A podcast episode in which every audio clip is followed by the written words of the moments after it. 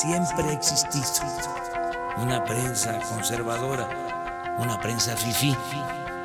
Yo no inventé lo de fifí. Entonces, ¿qué son al final los fifís?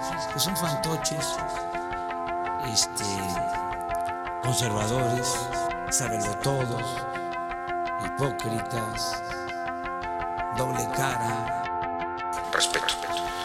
¿Por qué no te callas? Ahorita lo arreglamos.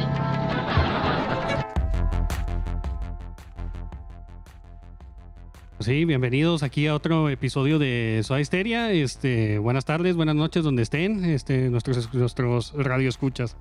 Eh, y aquí con nosotros este, pues tenemos este, un panel eh, pues más o menos lleno. Aquí conmigo tengo Raúl. A Raúl, este, di hola Raúl. ya no te voy a hacer caso cuando digas di hola Raúl, porque no puedo decir hola Raúl, así que solo buenas noches a todos. Ah, bueno, perfecto. Este, y aquí también con nosotros tenemos a estimado Taipiré, aquí que pues ya es propiamente parte del equipo. ¿Cómo estás, Taipiré? Hola, saludos aquí desde la zona tropical de Bolivia, Santa Cruz, donde hace frío. Excelente, excelente. Eh, no se duerma, mi estimado. se oye con un poco de flojera. Eh, sí, sí, ya empezamos mal. Sí, no, ya, está a punto de. ya, ya, tiene así este como en las caricaturas, güey, este, una burbujita en la, nariz, ahí inflándose. Ándale. Sí, y aquí también este, con nosotros tenemos al estimado señor este, Manuel Castellanos, este, de carlismo.mx. Este, es un historiador este, y también este, propagandista, pues, bueno, él, él, mismo se llama propagandista este, y nos viene a contar algo de, de historia este, y sobre hispanismo. Este. ¿Cómo está, señor Castellanos? Buenas noches. Eh, historiador aficionado, porque no, no me vayan a culpar por ahí de, usurpar títulos. Sí, sí, no, no se preocupe. Este, sí, ahorita como estaba comentando, este, pues todos somos dilatantes aquí, o sea, así expertos, expertos, no, este, pero pues nos defendemos. Pues buenas noches aquí desde México. Excelente, este, pues aquí tenemos a tres mexicanos y pues el único sudamericano aquí sería Taipirea, ya desde, desde Bolivia. Eh, pues que fue el que, lo, el que nos lo recomendó y lo invitó aquí, este, y pues, pues, pues gracias por atender aquí a nuestra invitación, este señor Castellanos.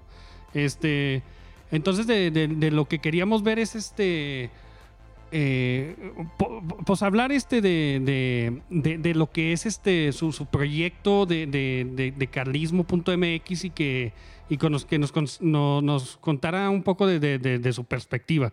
O sea, de este, ¿por qué se llama usted a sí mismo este, propagandista y, y, pues todo ese tipo de cosas, si fuera tan amable?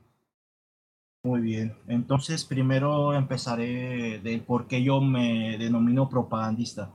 Eh, desde una perspectiva técnica, eh, yo en mi bachillerato estudié informática enfocado a creación de contenidos eh, en los últimos cinco o seis años yo he estado ya de forma eh, técnica utilizando esos, esos, conocimientos en lo que son páginas de Facebook, haciendo infografías, propaganda. Eh, también hice en algún momento y hago en menor medida contribats, pero ya de, forma, pues, por mi parte, no sin ningún afán formal.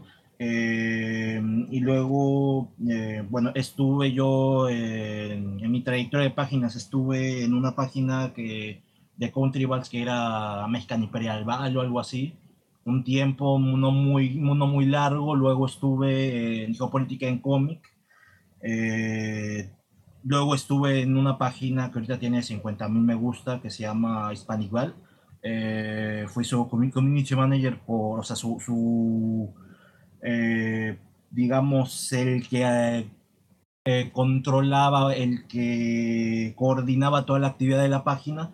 Estuve por dos años y medio ahí, hasta hace dos años que hubo algún, algunas, algunas diferencias, algún conflicto. Eh, me retiré por seis meses y cuando volví empecé eh, ayudar a las páginas de, de, los círculos carlistas que hay aquí en México, porque eso es lo, a lo siguiente que iré a explicar. Em, y principalmente la de página, la página de Círculo Tradicionista León de Jarauta, eh, la página em, sociedad histórica tradicionalista, eh, que no es mía, sino que yo, yo la, la superviso, los ayudo y también eh, ayudo de forma oral, aconsejando a los de Círculo Localista Vasco de Quiroga. Y además tengo mi página ya personal, que es Catolival en castellano, la chica, porque había o hay otra grande, eh, que también era mía, pero es una larga historia y pues ya llevo eso, o sea, como cinco o seis años en, vamos, o sea, creando contenido en torno a, al estudio histórico, que no, que no es sino forma de propaganda, ¿no? Entonces no es que yo haya estudiado para ser propagandista, más que esa parte técnica de creación de contenidos eh, gráficos y, y, audiovisuales, ¿no? Sino que porque, principalmente porque he ejercido de esa manera en los últimos años por, por diversas circunstancias. Ahora, eh, ¿qué es esto de Calismo MX? Bueno, más que e, este proyecto es más que nada, no es un proyecto aislado, sino que eh, nace como eh, Gaceta de México con J o, o Gaceta No Hispana eh, para servir al círculo tradicionalista Celedonio Jarauta de la Ciudad de México. Eh, ya existía antes en un formato de WordPress eh, luego pasó a comprarse el dominio, a hacer ya la página de noticias oficial de los círculos carlistas aquí en México. Y ahorita eh, lo que estoy viendo con el dirigente del círculo es que estamos haciendo como una especie de, de wiki, ¿no? Para tener una base de datos ya más formal de asuntos de tradicionalismo político y todo la, toda la doctrina que, que implica que, pues sí sería bueno tener una especie de wiki al respecto y comprar otro dominio para continuar ya con lo que es eh, la página de noticias, ¿no? Eh, principalmente es eso, o sea, van a ser dos páginas, eh, las páginas de Facebook y también tenemos, eh, cada página de, cada círculo tiene su Instagram y, así, ¿no? Y así vamos expandiendo nuestro, nuestra red de de difusión. Eventualmente llegarán otras cosas más, más complejas, más especializadas conforme nos vayamos dando abasto, claro. Ok, perfecto. Este, no, pues muy interesante, por lo visto han dado, pues tiene una trayectoria amplia ustedes, señor Castellanos, este, desde hace tiempo. Eh, pues para nuestros, más que nada para nuestros escuchas este, y pues también para aquí, para un servidor que, pues es este, un completo neófito en el, en el asunto, este, ¿qué, ¿qué, es el carlismo? Este, o sea, para, pues para definir bien nuestros términos, no sé si sería tan amable de, de explicarnos este, ¿qué, qué, en qué consiste el carlismo. ¿Qué es el carlismo? Muy bien. Eh, el carlismo básicamente es una legitimidad dinástica, pero no solamente es una legitimidad dinástica, sino que también es una doctrina política, una forma sinónima de, de, de, de, decirle es tradicionalismo político, de hecho, tradicionalismo político católico, obviamente, eh, porque a veces también se puede malentender, porque pues hay paganos o neopaganos usando el término tradicionalista o confundiéndolo con folclore y así, ¿no? Eh, entonces, eh, como antecedente, el carlismo tiene eh, bueno, o sea, primeramente, el carlismo eh, nace como una, así, de forma clara, como el levantamiento de Carlos María Isidro de Borbón en España en 1833, debido a que Fernando VII hace la pragmática sanción que eh, jurídicamente mm, es ilegal eh, para, los, para el para el entretejido político ese entonces es ilegal. Este, pragmática sanción que pone a su hija Isabel, que después sería denominada como Isabel II, eh, que era menor de edad. Y lo que pasa es que Fernando VII, Fernando VII por ahí se dice que lo hizo debido a presiones de los ingleses, ya estaba él en su lecho de muerte, pero mm, vamos, poner una menor de edad para que fuera la monarca legítima, pero para que gobernaran eh, los militares y políticos liberales de, de, esa época que lo que querían era eh, hacer ya sobre la práctica, ya ejecutar lo que le habían hecho a los virreinatos hispanos de, del otro lado del mar ya unos entre 10 y 20 años antes, que es la demolición de lo que quedaba de la sociedad política, eh, que, que, es la destrucción de la monarquía, que es la implantación de, del liberalismo y todo ello finalmente, o sea, para conseguir un objetivo final que era la, descre la, la descristianización de, las Españas, ¿no? O sea, la, la, la, des, la, descristianización de, la, de lo que quedaba de la civilización católica ya herida desde la paz de Westfalia. Ahora, eh, tiene un, un antecedente, eh, no me acuerdo, ah, ya, el manifiesto de los, persas, en el cual eh, lo, los cortesanos de aquel entonces, después de la derrota de Napoleón en España, eh, piden a Fernando VII eh, acabar con los abusos de, de, liberalismo que las Cortes de Cádiz habían ejercido, ¿no? Eh, a, en el manifiesto de los persas hay, hay firmantes eh, de los virreinatos hispanoamericanos como firmantes, obviamente, de, de, de, la España peninsular, ¿no? Eh, y ya de ahí se tiene una conciencia clara y, un, primer enfrentamiento abierto de, eh, bueno, o sea, lo, del, catolicismo político, de los que querían restituir eh, la restituir lo, lo que quedaba de ejercicio político católico antes de la, de la constitución de Cádiz, antes de todo lo que provocó la, la invasión de Napoleón. Y ese viene siendo el primer antecedente, ¿no? Pero lo, lo que pasa es que el, carlismo no solo nace con, con, el manifiesto de los persas o en 1833. O sea, lo que pasa es que el carlismo defiende aquello que eh, ha caracterizado a las Españas, a la civilización católica española de, desde eh, que existe, y yo, yo diría que existe desde eh, la conversión de Recaredo, eh, hace muchos siglos más de los reyes católicos, luego los reyes católicos lo, lo, perfeccionan y ya eh, Carlos I, eh, Felipe II lo, lo, vienen a consolidar ya lo, que viene a ser la hispanidad, ¿no? Bueno, o sea, lo, lo que pasa es que eh, sí, efectivamente se fue debilitando este tejido, sobre todo después de la derrota de la civilización católica, eh, la guerra de los 30 años, si no mal recuerdo, si me equivoco, corríjanme, eh, lo de la paz de, de Westfalia y todo eso. Eh, se viene debilitando el, tejido político católico, o sea, la, la, la, cristiandad menor, puesto que la cristiandad mayor, el entero de la cristiandad como civilización muere eh, después de la paz de Westfalia, ya después de varias heridas consecutivas, eh, empezando por la revolución protestante, la revolución luterana, y eh, vamos, ahí ya y viene uno de los temas que vamos a mencionar también, que, que se lastima el tejido político católico y lo, lo, la primera forma en la que se lastima es pues con la separación de Portugal y sus dominios, ¿no? Eh, no voy a entrar a este tema más, más que más adelante, pero vamos que para ir yendo al grano, para cuando se nacen los movimientos independentistas, eh, todavía se podía decir que era la, cristiandad menor ya, ya, herida.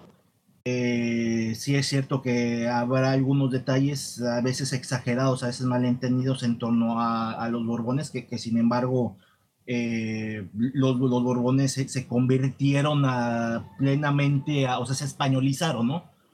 Eh, con, con, su llegada a España después de la guerra de sucesión y aún así en las independencias se, se, se puede decir que, que, siguen siendo las Españas, que sigue siendo la cristiandad católica ya reducida, o sea, la, la, la cristiandad menor, como dice Miguel Ayuso, maestro, ya, ya sacándolo de, de otros intelectuales tradicionalistas previos, ¿no? Entonces, lo que pasa en 1833 es que ya es el retomar de la conciencia de lo que está sucediendo de la destrucción de, de la cristiandad católica española. Eh, pero realmente el carlismo de, defiende eh, aquellas máximas eh, de la civilización católica, políticas, sociales, etcétera, que siempre han caracterizado a, la civilización católica española, ¿no? O sea, desde desde que existe, como dije anteriormente. Ok, este, pues la verdad este sí es bastante amplio esto del, pues del, del, del, carlismo y, y, sus orígenes. La verdad, este, o sea, sí, sí me gustaría entrar a, a fondo a ciertos temas de mi, de, de, de, mi interés. Este, no sé si empezar este con lo que sería con los Borbones o, o, o con la paz, entre comillas, de, de Westfalia. Este, porque, o sea, son como que, e, especialmente en el mundo anglo, este, la, la, la paz de, de, de, Westfalia, este, con el, como en su narrativa, este, como ellos lo cuentan como el nacimiento de, de, esta nueva paz y este entendimiento eh, entre europeos y, y, el nacimiento de las naciones-estados, este, como las conocemos ahora, eh, lo ven como algo clave este, en, en el resurgimiento ellos, este, o en, el, nuevo nacer este, de, estas nuevas naciones este, pues, que van creciendo como, Alemania, Francia y en especial Inglaterra. Entonces no sé si pudiéramos entrar este por qué es este, o sea, de, eh, por qué en la perspectiva protestante o anglo es este tan importante para ellos el, la paz de Westfalia.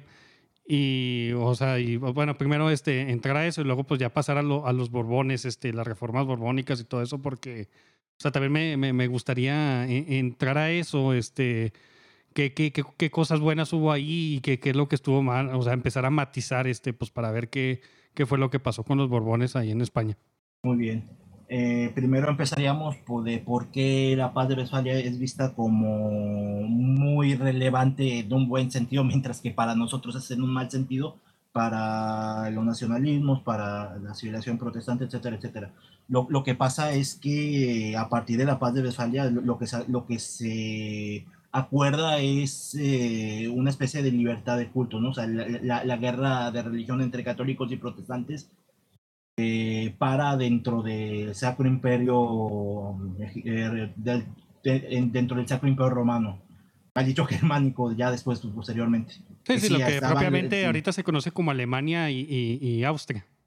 Alemania, Austria, partes de Francia, eh, Polonia, eh, porque no, no, no, era, no solamente era germánico, por eso digo que mal llamado posteriormente germánico, pero bueno, el Sacro Imperio Romano, ¿no? Eh, que, que, era la, máxima geopolítica de, la cristiandad de aquel entonces, bueno, o sea, lo, que pasa es que se da por perdida la guerra de religiones, se acepta cierta libertad de cultos, uh, pero en que, aquí vienen colación los nacionalismos en este sentido que, esa libertad de cultos es de los, de los principados y no de los individuos, que viene a ser la libertad, la libertad de cultos eh, ya masónica posterior. Eh, bueno, um, se empieza esa libertad de cultos de, de, de los estados, eh, de los principados, y lo que pasa es, es que los principados eh, germánicos eh, protestantes empiezan a crear su nacionalismo, su identidad en torno al, al protestantismo. De ahí que ellos le den tanta relevancia, ¿no? Ok, ok. Este, entonces, básicamente, pues ahí lo que pasó es de que, pues, pues, a lo mejor no la iglesia católica en sí en ese momento, pero este, la, lo, los imperios y naciones que conformaban este, el catolicismo, este, después del caos de que se, de que se vino con, con la... Pues no me gusta llamarle reforma, este, se me hace que es mejor llamarle revolución protestante. Eh, a eso, la porque... revolución protestante porque lo que viene es a destruir, o sea, lo, sí, que, sí. Viene, lo que hacen las revoluciones de, de manual, por así decirlo, ¿no? Sí, entonces ahí lo que hizo fue, o sea, se dio la victoria, este, el catolicismo a, a, a los protestantes, este, por, por medio de una paz espuria. O sea, fue, fue una paz impuesta este, por, por, por los alemanes este, con tal de que no hicieran más destrucción, por así decirlo. Sí, no, o sea, si, si Carlos I lo hubiera, lo, hubiera ejecutado antes, que, que, dicho sea de paso, sí se arrepintió de no haberlo ejecutado en su momento, o sea, la historia hubiera cambiado radicalmente, ¿no? Sí, entonces, este, o sea, ¿cuáles fueron las razones, este, por las que, o sea, el, o sea, el Imperio Romano, este, que, pues creo que después, este, su sucesor sería el Imperio Austrohúngaro, este, y, y, pues España, este, pues que era el, imperio español, que era pues el que básicamente estaba a la cabeza de, ellos. O sea, fue como que una, yo como lo entiendo es de que fue una, como una revuelta, pues más que nada contra, contra el imperio español. Este, si nos ponemos este, a verlo así, este, de, de, de países este, angloprotestantes este, y, germánicos. O sea, yo pensando así, no sé si está en lo correcto. Sí, lo que pasa es que, ok, o sea, lo, de la guerra de los 30 años, lo de la paz de Versalles, todo esto, eh, es contra la cristiandad entera y, es en su, perjuicio, en, su perjuicio, pero lo, que pasa es que, pues obviamente en ese entonces eh, España era la mayor parte geográfica, o sea, de, espacio de cristiandad, era la que más poder político, e, e, económico y material tenía y entonces, o sea, y, España que, a lo mejor no fue la primera hija de Roma, pero sí la, yo, yo creo que la, la mejor hija de Roma, eh, obviamente se desangró por, proteger aquella cristiandad que pues, ya estaba condenada de muerte por, causa de, la revolución protestante y todas sus consecuencias, ¿no?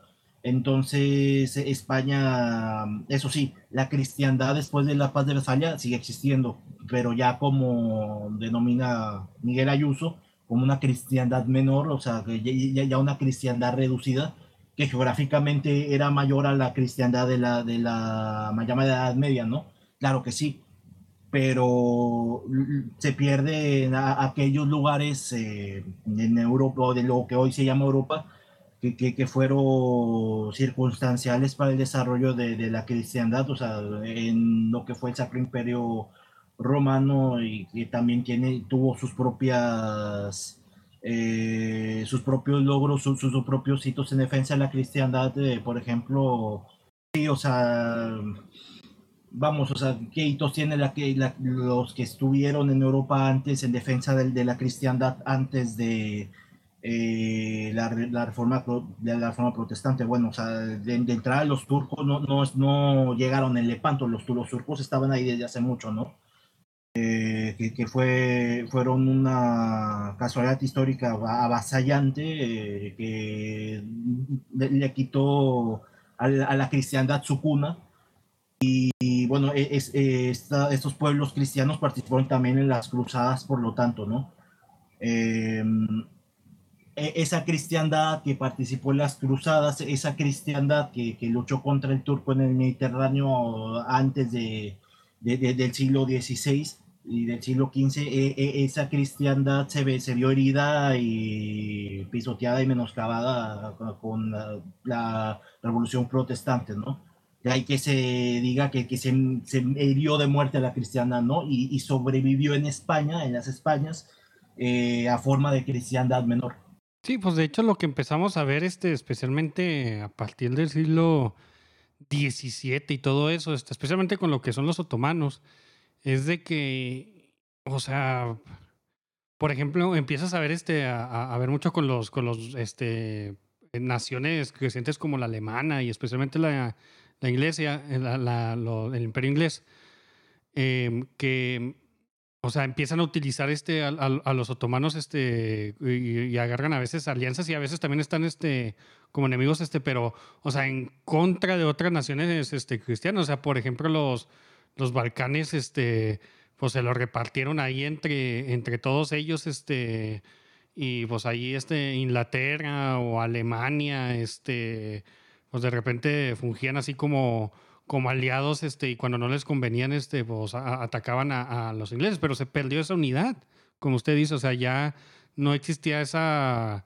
esa comunión este, como existía antes cuando pues, todos éramos católicos este, y o sea, era muy fácil este, justificar ya este, pues, un ataque contra, o sea, traicionar este, a, a pues, por ejemplo, que que, que, que los ingleses este, le dieron la puñalada por la espalda a, a los rusos o, o, a los franceses o a, o a, los españoles este, por aquí por acá, aliándose con, con, pues, con el enemigo eterno de, de, de, del cristianismo que, que son los musulmanes.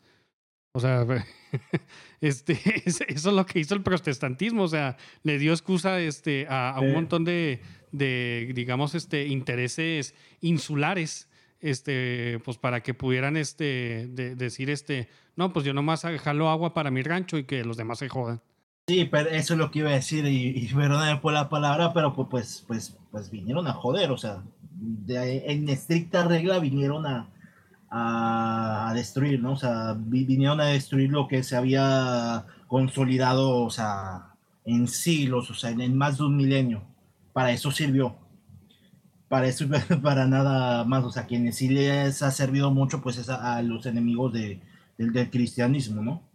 Sí, y por puros intereses mezquinos de, de, los líderes de aquella época. O sea, por ejemplo, lo podemos ver con Enrique VIII, este, y, y pues también los franceses, este, cuando ya es, es este. Los hugonotes. La, sí, sí, o sea, que, que, que o sea, eh, el, la, la, monarquía francesa empezó a convertirse en una monarquía absoluta, este, desde que pues le dieron en la madre a los, al, a los templarios, este, que fue cuando ya empezó a surgir como este país unitario este, con, con una monarquía absolutista, eh, que, que, que, o sea, los, los intereses de, de, las autoridades seculares empezaron a imponer cada vez más este, sobre los intereses de la cristiandad este, por, en, en, en su conjunto. Y es cuando empiezas a tener todo esto, un montón de problemas este, y, tensiones este, dentro de todo, porque siempre ha sido, o, sea, lo, los europeos eh, siempre han estado agarrados de las viñas este, desde tiempo inmemorial y desde, antes de que existiera la historia, crónicas escritas, este, este, pero, o sea, por lo menos antes, este, bajo el, cristianismo católico, había un sentido de unidad este, bajo el, papado y, y dif diferentes este, eh, reyes. Este, pero no tenías un imperator este, en, cada, en cada nación este, que, que, se empezaba a volver este, pues casi semidios. Sí, digo, eh, eso, eso, es lo que sucede, o sea, y también, o sea, hubo una paz cristiana, o sea, también hubo un periodo de paz para, para una parte de la cristiandad, también había una cristiandad que estaba más Uh, en primera línea, como fueron los Balcanes o como fue España, pero tam también hubo una cristiandad que, que pudo eh, proliferar, eh, que, que, que, que, tuvo un periodo de paz precisamente por, por ese, esa estabilidad que ofrecía pues, el trono y el altar, ¿no? o sea, la, las bases de, de, la antigua civilización cristiana. Ok, este. Pues no, está bastante eh, eh interesante eso. Este. Y por la diatriba también estuvo Hola, interesante. Este, ahora yo, yo quisiera. Este, sí. sí, sí, ahí disculpe, señor Castellanos, adelante. Eh, para no dejar ahí al aire el asunto de, de los Borbones, yo, yo, no me especializo mucho en el tema de los Borbones, haré, haré lo que pueda. Eh, pero bueno, la, la familia Borbón fue, fue, una familia que de alguna manera tiene un origen español, un origen navarro, eh, que sí, o sea, apostató al protestantismo, que, que, que fue hugonote, que se reconvirtió de alguna manera al, al, catolicismo en algún punto así, aparte de que los borbones españoles españolizaron, se, se recristianizaron. Eh, bueno, los borbones franceses también tuvieron su reconversión al catolicismo. Eh, pareciera que por conveniencia política, o sea, ya, ya conocerás el, el, término este de, de bien París vale una misa o algo así, no me acuerdo bien cómo, cómo era el término. Y... sí, creo que eso te, te surge con, con qué, con, con los vikingos, ¿no? Que, que, que van y este, y que, que, se vuelven los normandos, este, cuando los franceses este, les, les otorgan, creo que, o, o estoy equivocado ahí. Uh, no, no recuerdo mucho, o sea, yo, yo tampoco me especializo en tanto la, lo que he leído para hacer mi, la propaganda que hago, o sea, mucho de, de Francia particularmente, eh, sino que pasa que, que, un monarca francés de eh, ya no muy lejos, un siglo antes, alrededor, aproximadamente a un siglo antes de la Revolución Francesa, apostata de, de, de, de, del protestantismo para volver al catolicismo por conveniencia política, pero aún así viene, o sea, fue arrastrando eh, esa dinastía hugonote sí, en Francia particularmente, eh, esos detalles de, de, cosmovisión que, que derivaron en el absolutismo francés, ¿no? y el absolutismo francés viene a ser ni, menos que la antesala de la Revolución Francesa, porque no, no, no fue muy complicado, o sea, creer en un solo individuo que, que era básicamente proyectado como Dios en la tierra, que, que, venía a ser el monarca francés, no, es muy, no, no fue muy complicado proyectar e, eso de, del individuo iluminado, escogido por Dios, a la masa iluminada eh, ya desde una perspectiva más, más, más, más antropocentrista que, que, vendría a ser el pueblo visto desde eh, la Revolución Francesa, ¿no?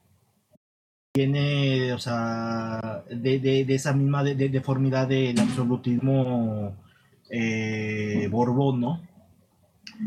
Sí, cierta, ciertamente. Este, y luego también lo que yo tengo entendido con los Borbones es de que, o sea, ellos este, eran aristócratas, una familia de aristócratas desde hace, antes de que subieran este, al, al, poder, pero también en muchos momentos este, eh, apoyaban, este, eh, apoyaron de hecho a, a la, al, a, pues a los hugonotes y, y, además este, movimientos protestantes adentro de, de, Francia, este, pues para ellos este, hacerse del poder, o sea, eh, instigar una revolución o una revuelta, este, pues para ellos dominar este y, obtener poder por medio del caos. O sea, siempre han sido así, este, maquiavélicos y pues manejando las cosas entre bambalinas, este, y pues no siempre eh, para, para beneficio de su país, sino beneficio para, para ellos personalmente. O sea, eh, obtener el poder por el poder. Es es a lo que voy con, con los Borbones.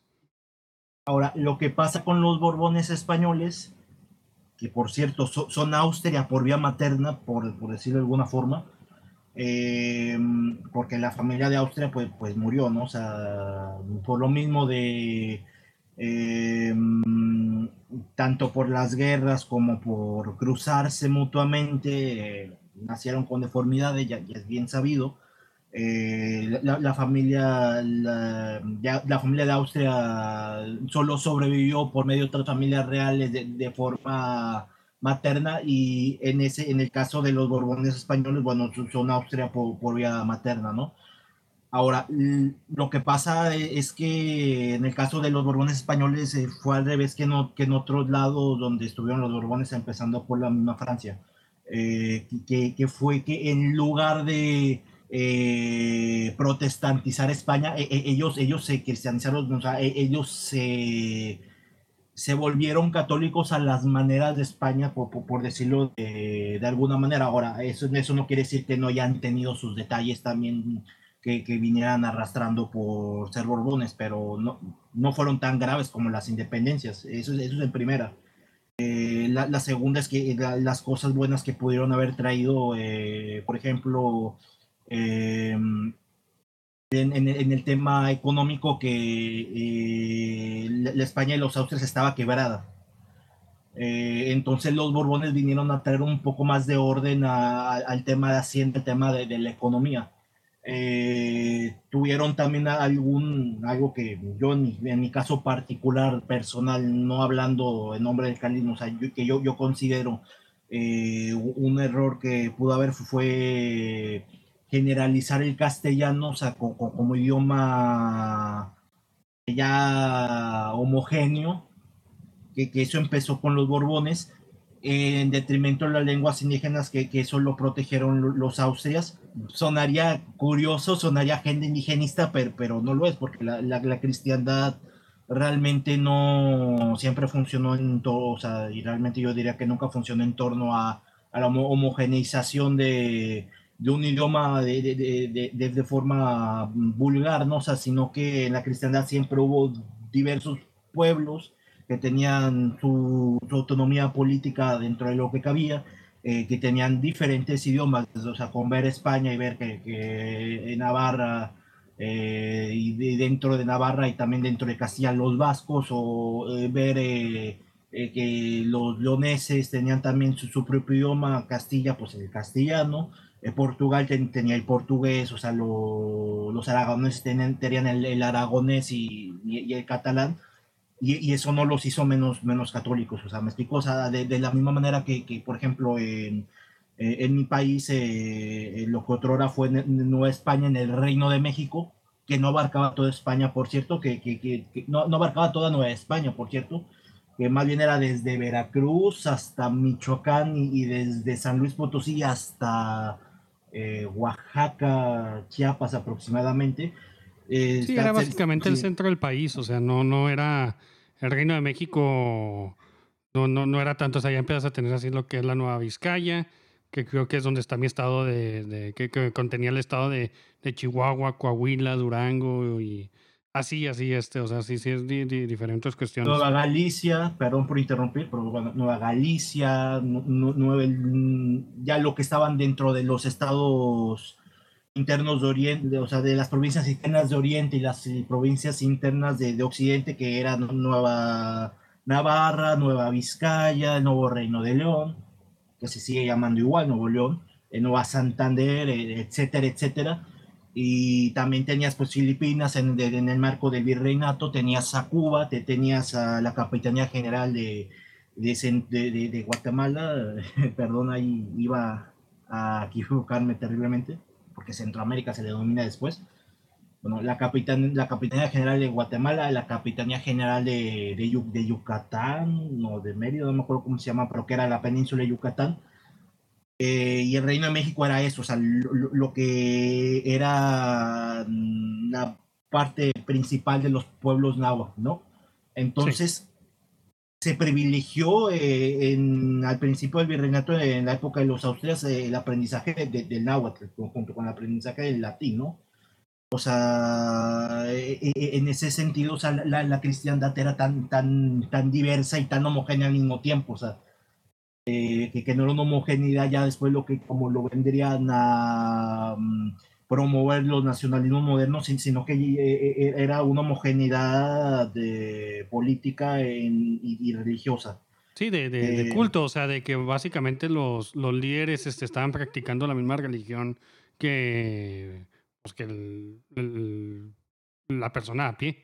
Claro, de- eso yo te lo digo inclusive que yo, yo no hago, yo no hablo náhuatl, o sea, yo no, de hecho técnicamente yo no soy de- del Reino de México, porque de, de donde empieza mm, mi provincia deja de ser el Reino de México de ahí hacia el norte, que, que ya ve- venía a ser los la- las, las provincias internas de, de Oriente, eh, particularmente Nueva Santander, eh, Actualmente, hoy día, la ciudad donde estoy, eh, Tampico, que antes había sido fundada dentro del Reino de México, de, al sur del río Pánuco. Eh, pero, mm, por ejemplo, hay gente que, mucha gente que sigue hablando náhuatl en, en lo que era el Reino de México, o sea, ya dentro hacia el centro del actual país, ¿no? Sí, creo que tenemos este, todavía cientos de miles de personas que, que, que siguen hablando en náhuatl o una variante del náhuatl. Sí. O sea, no, no Bueno. sé si, se, se me hace que, o sea, hay un- a lo mejor no sé si era Guatemala o, o Nicaragua, uno de esos dos países que era el único país que tenía más este, eh, indígenas que hablaban náhuatl, aparte de, nosotros. Bueno, continuando con el tema de los gorrones, sí tuvieron sus lastres. Yo el tema de, de este, yo, el tema de los jesuitas, yo no, yo no diría que fue tan, o sea, que, que, fue directamente malo, porque a- a- ahí había un punto importante y es que no por nada la, la iglesia proscribió a los jesuitas de aquel entonces, y ya, ni hablar de los jesuitas actuales, ¿no? Sino que los jesuitas de aquel entonces, de cuando la prohibición tan, o sea, ya, ya tenían ciertos detalles en los cuales parecía que eh, en sus misiones en Hispanoamérica intentaban hacer una identidad nacional particular en torno a las raíces paganas de- de los pueblos de, de, los pueblos indígenas y no, y no tan indígenas obviamente de, de y con eso me refiero a mestizos o hasta criollos o sea e- e- en Hispanoamérica por ahí eh, de ese abuso de autonomía que, que utilizaron lo- los jesuitas, por ahí va el asunto de su prohibición. Se les prohíbe en Francia, así también, eh, que Francia no, era, no estaba tan, pero también se les prohíbe directamente en Roma, ¿no?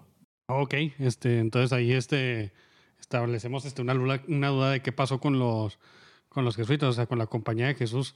Sí, no, ahorita es tristísimo lo, lo que ha pasado, o sea, son una cantidad impresionante de escándalos. Este, de hecho, mi papá, este, él, este, pues de, de, de joven, pues se, se formó en la primaria en, en una escuela, pues que era manejada por jesuitas y pues esta cayó, este, por un montón de, de, de ¿cómo se llaman?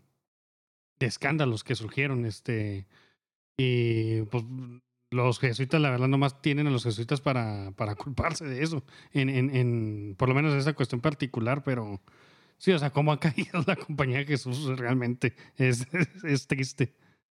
Ok, ahora utilizar el tema de los Borbones ya para ir al siguiente tema que es el, el fracaso de, de las independencias hispanoamericanas, o sea, eh, que vamos, o sea, no solo se les hizo estados para un, un, mal, un mal fin, sino es que para variar terminaron siendo estados fallidos, ¿no? E- Entonces, o sea, ¿qué, qué, qué tienen que ver los Borbones en todo esto para bien o para mal? Eh, yo lo, lo, lo pongo así en la mesa. Ni las peores cosas o solo los peores lastres de los Borbones vinieron a ser tan peor como lo que pasó después de la década de 1810, 1820, 1830 en adelante. O sea, de las independencias en adelante, porque por ejemplo, el tema de, de los idiomas, eh, el castellano no se termina por imponer con los borbones, eh, inicia ese proceso por el castellano se viene a, a imponer de forma homogeneizante para servir como eh, una, una, base más, entre otras cosas, de, para el nacionalismo mexicano moderno, se, se, se viene a sistematizar, imponer ya, ya de forma eh, homogeneizante ya las repúblicas.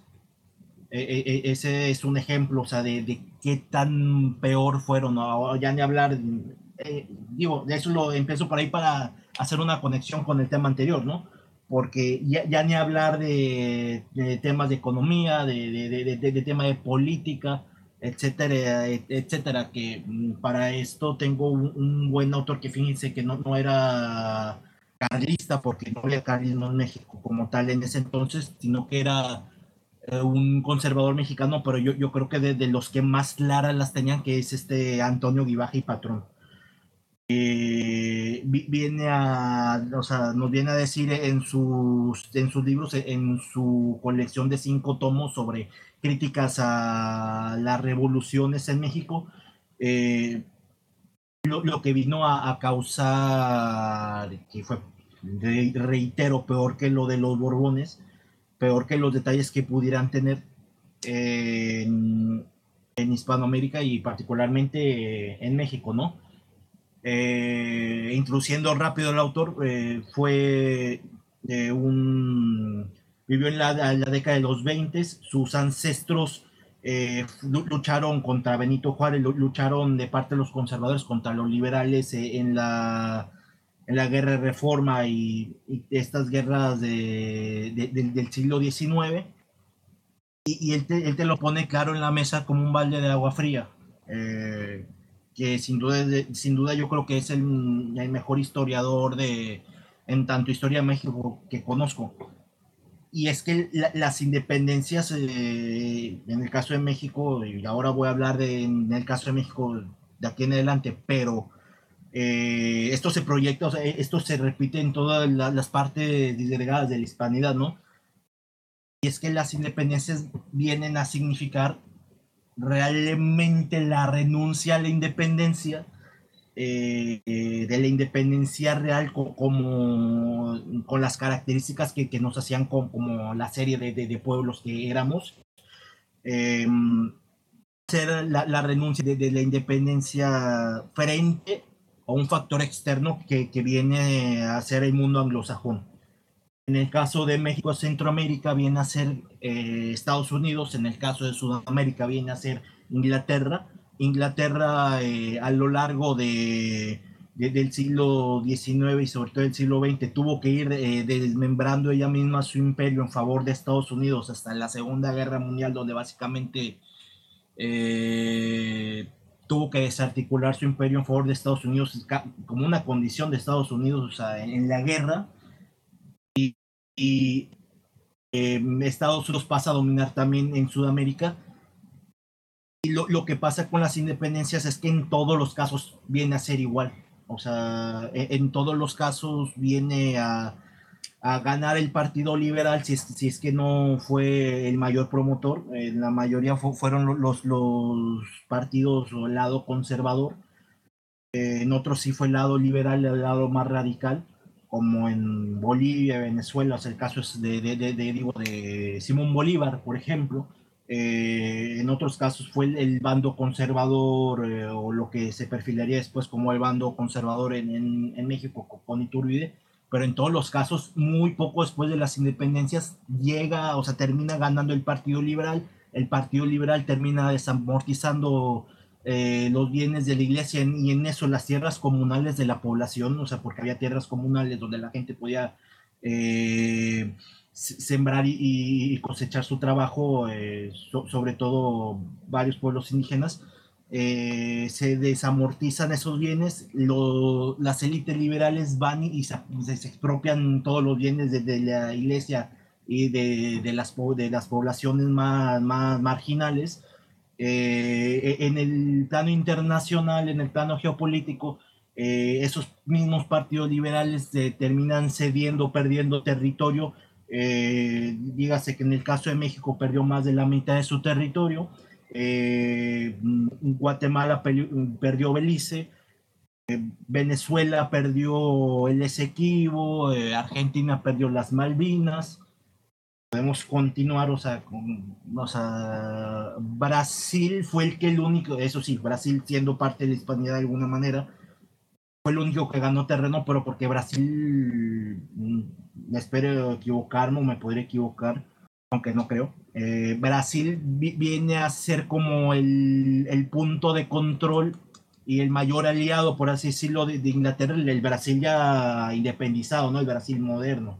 Eh, viene a ser el mayor aliado de Inglaterra y luego de Estados Unidos para controlar la región pero obviamente eso también en, en detrimento de, de los mismos brasileños. O sea, no solo hay que ver la cantidad de, de pobreza y la cantidad de, de destrucción que también ha causado el, eh, el gobierno brasileño títere de, los ingleses en, en su propio país. Ya ni hablar de, estos nuestros casos.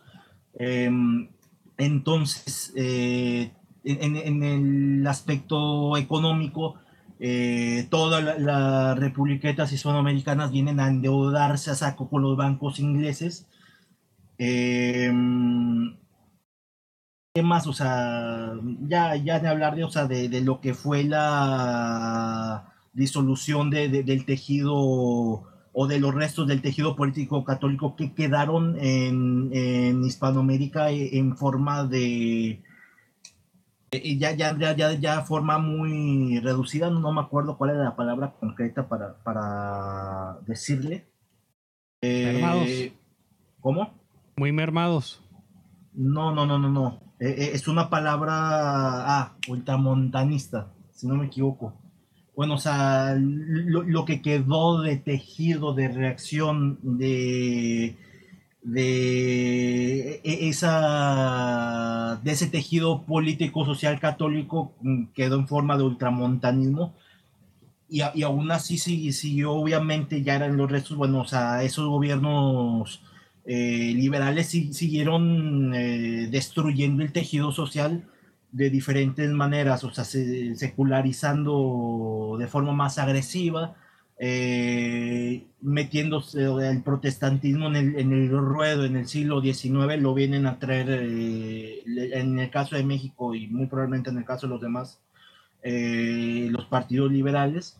En el, en el caso de México, eh, básicamente viene a ser Me- Melchor Ocampo, un prominente político liberal, eh, el que viene a traer la primera iglesia protestante en México eh, en el, para variar en el municipio de, Ocampo, en provincia, y luego moviéndolo a la Ciudad de México, a la Ciudad de México eh, formó, una, formó una iglesia autónoma que, que muy poco tiempo después de fundada fue, fue a caer a, a, las manos de, una red protestante internacional. O sea, desde Estados Unidos les enviaban eh, sacerdotes y les enviaban misioneros. Así de rápido, así de descarado y, y, y así de directamente, hablando ya la segunda mitad de, del siglo XIX. O sea, todas aquellas cosas que deshicieron el tejido social, del, el, el, los restos del tejido político social católico vienen de la mano del Partido Liberal, vienen de la mano del liberalismo, ¿no? Con algunas, eh, con, algunas reservas o, con alguna reacción o con alguna negación de, de los partidos conservadores, pero no tan fuerte. Eh, vamos que los partidos conservadores y es mm, a lo que hoy los partidos conservadores vinieron a traer su propia ruina y la propia ruina de sus países posibilitando las, las independencias, ¿no?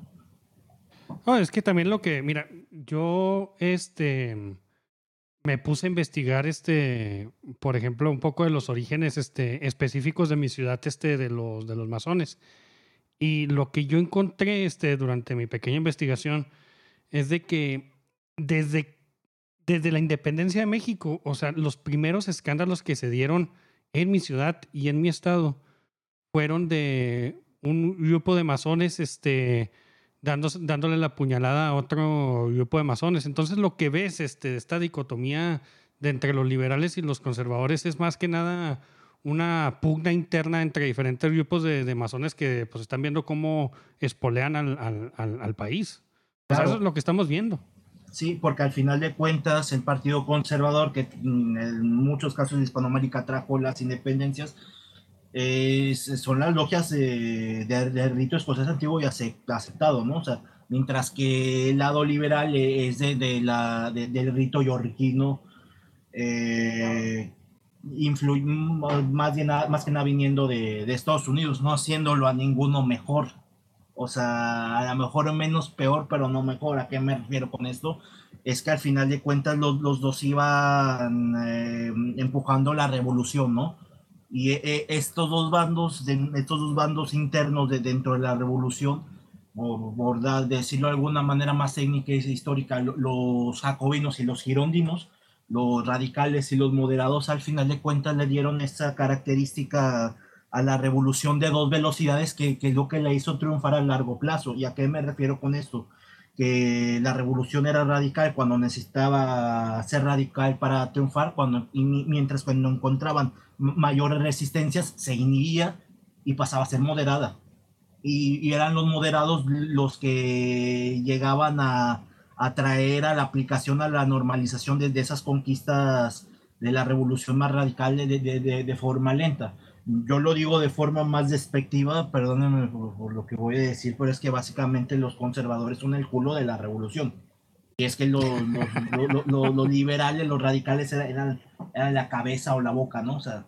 Sí, sí, o sea, básicamente era una dicotomía falsa, este, impuesta por de fuera, este, pues para desarticular y desarmar completamente al imperio español y, o sea, una vez completamente desunidos, este, estando en, en el naufragio que fueron todas las independencias, pues ir así tomándonos uno por uno, este, invadiéndonos por acá, este, imponiendo sus políticas exteriores, este, y pues imponiendo condiciones este, económicas que eran pues nomás para eh, extractivas. Sí, o sea, al respecto de eso, o sea, yo recomiendo mucho esta, y están a la venta, los vende la editorial Tradición de, de, la familia Bascal, pero es que él, él, no es un conservador así como los Abascal, como de Salvador Abascal, que también tuvo sus cosas buenas y sus cosas malas, ¿no?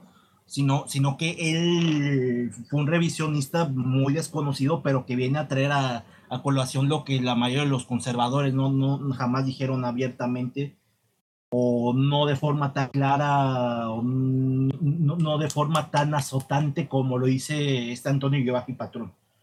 sin duda, o sea, son cinco tomos. Eh, los encuentras en internet, o sea, googleando el nombre y la editorial. Ya ahí viene alguna dirección o algún correo y, y sí recomiendo muchos sus textos para Historia de México, particularmente para lo que es política católica, mm, a- habría que recomendar otra cosa, ¿no? Porque ya vamos de un tema que es más amplio y que va de más atrás.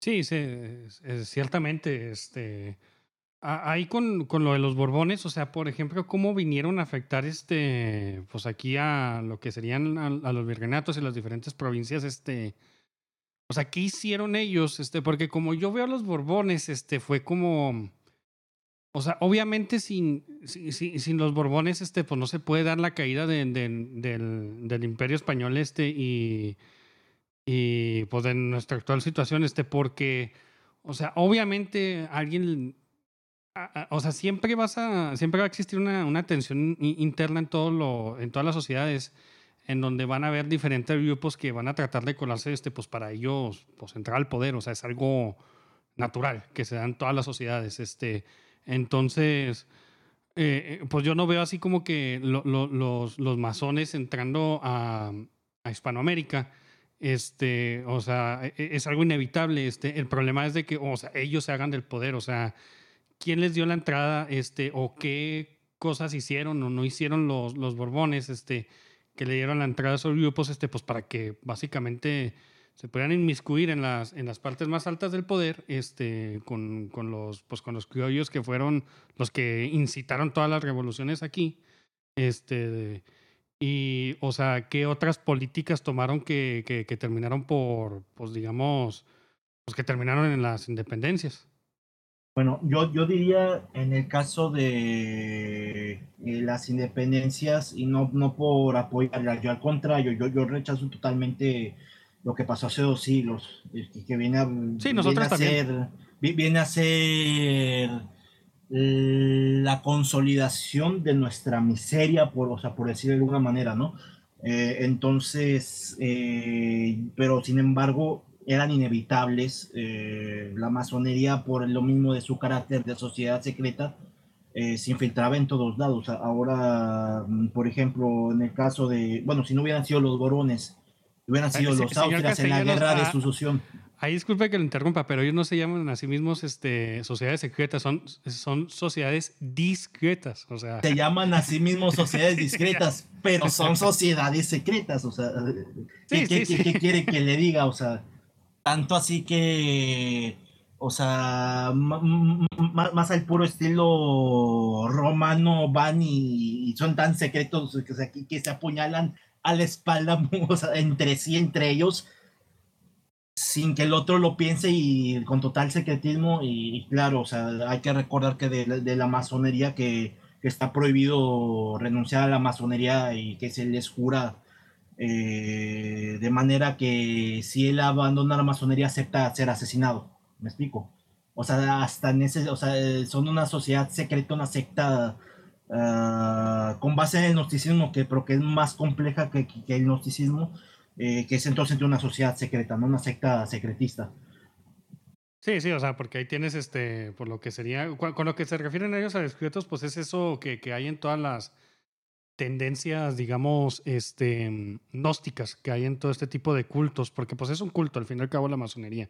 Este, Es una religión. Sí, sí, es, es, es una, es una religión. A mí me gusta llamarles más culto porque no me gusta legitimizarlos, este, dándoles ¿no? este. el es la de religión de Lucifer, básicamente. Sí, sí, claro, claro. Este, y ellos, este, o sea, tienen este, lo que es este exotérico, o sea, la, lo que es este, la- el dogma exotérico, pero, o sea, todas estas sociedades secretas, este, ocultos, eh, también este, tienen este, lo que es esotérico, o sea, de que no, pues si avanzas más, lo vemos mucho, por ejemplo, también con los, el ejemplo más burdo, que serían los cientólogos, o sea, que vas subiendo de niveles, este, y que si vas invirtiendo más tanto dinero, tiempo y esfuerzo, este, pues vas subiendo dentro de la organización y vas obteniendo más conocimientos, este, que no tienen acceso a los demás. O sea, el dogma profundo, el dogma fundamental, este, no está expuesto a, a, a- a- los demás, al, al- al- al común de la gente. Sí, y se ve igual en la mayoría de, de las sectas medio protestantes, medio masónicas, eh, con origen masónico, como acabo de decir, eh, como los testigos de Jehová o los mormones, que también tienen esta, esta temática de, de niveles, ¿no? Sí, sí, este... eh, ba- Bastante. Fíjese que, que también cuando estoy investigando a los masones, o sea, ya ahorita están muy mermados. Una- Este. Pero, pero una pequeña corrección, los testigos de Jehová no tienen niveles. Ah, sí, aquí este tenemos a Tercio, este señor este Castellanos. Él es este otro de nuestros, eh, pues es uno de los fundadores aquí de, de- de Mundo Republiqueto. Y él era, Hola. este, sí, sí, él era testigo, bueno, su familia, este, creo que tu mamá en específico, ¿no? Era Mi testigo de mamá. Bueno, to- toda, toda la familia de mi mamá. No tienen eh, escalones como la masonería como tal. pero Lo que pasa No, es que no, de- no. dentro de ellos sí tienen sus niveles de confianza. A lo mejor no formales, pero no todos pueden entrar a cierto cuarto de, de tal lugar, o sea, me explico. Bueno, pero, eh, sea, pero, pero eso son cuestiones de, o sea, a, a cuál lugar, o sea, según lo que yo recuerdo, los testigos de Jehová simplemente tienen eh, cuestiones como que publicador, anciano, o sea, que eres un anciano, una con... aunque ahora que lo recuerdo, los ancianos sí tenían un libro eh, como que con guías que nada más debían leer ellos, pero no, sea, yo no recuerdo mayor secretismo con los testigos de Jehová, siendo, siendo absolutamente sinceros. O sea, ten- tendrán un millón de problemas, pero esa cuestión de secretismo no lo recuerdo. We will now have a short intermission. This is a perfect time to visit with your phone inside the lobby area and announce to all of your many internet friends about how wonderful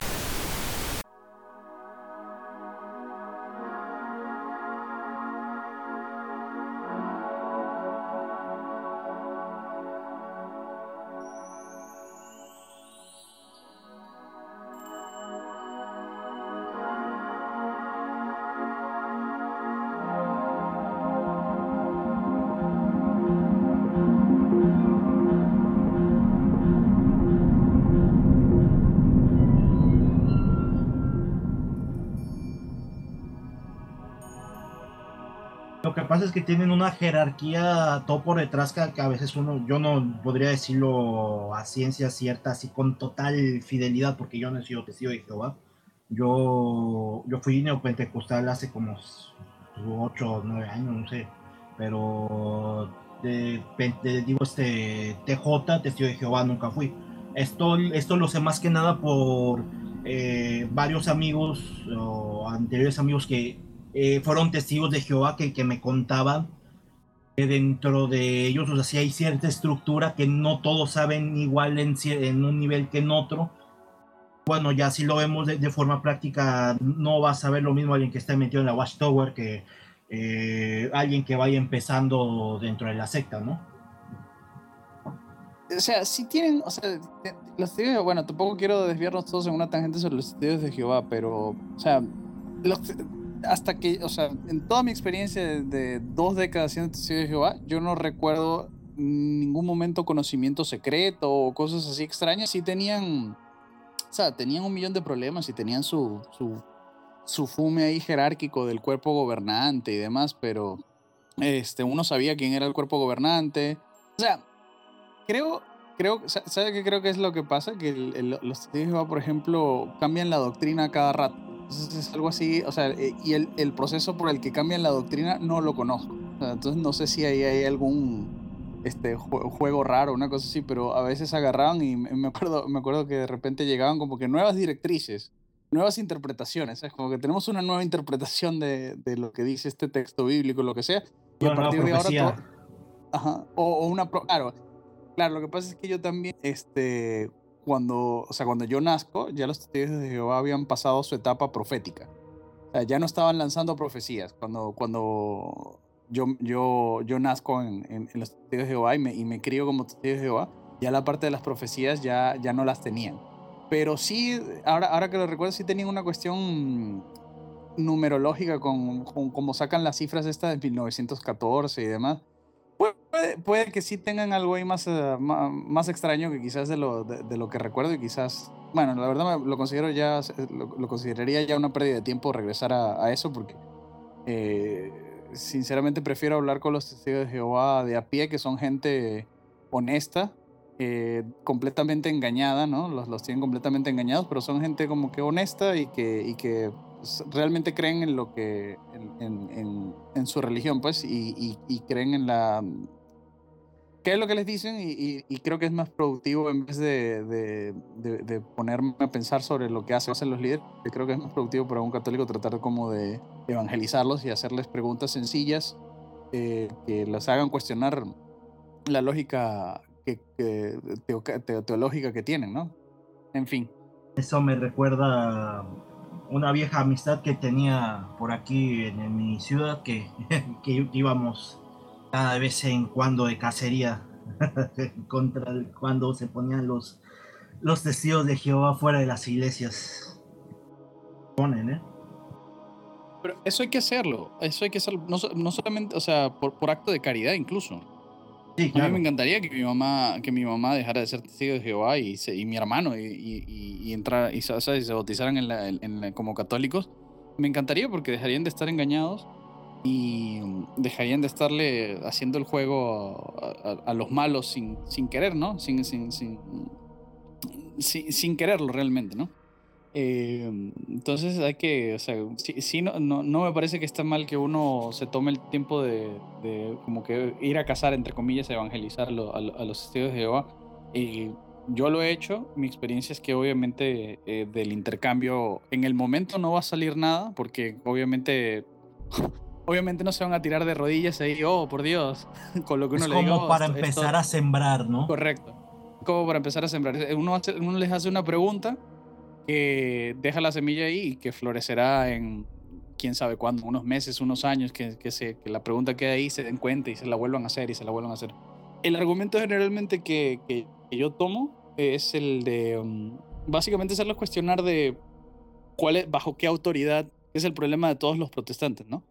O sea, ¿cómo, cómo sabes que la Biblia dice lo que tú dices que, que dice? Esa es, ese es básicamente el- el- la pregunta que siempre les hago.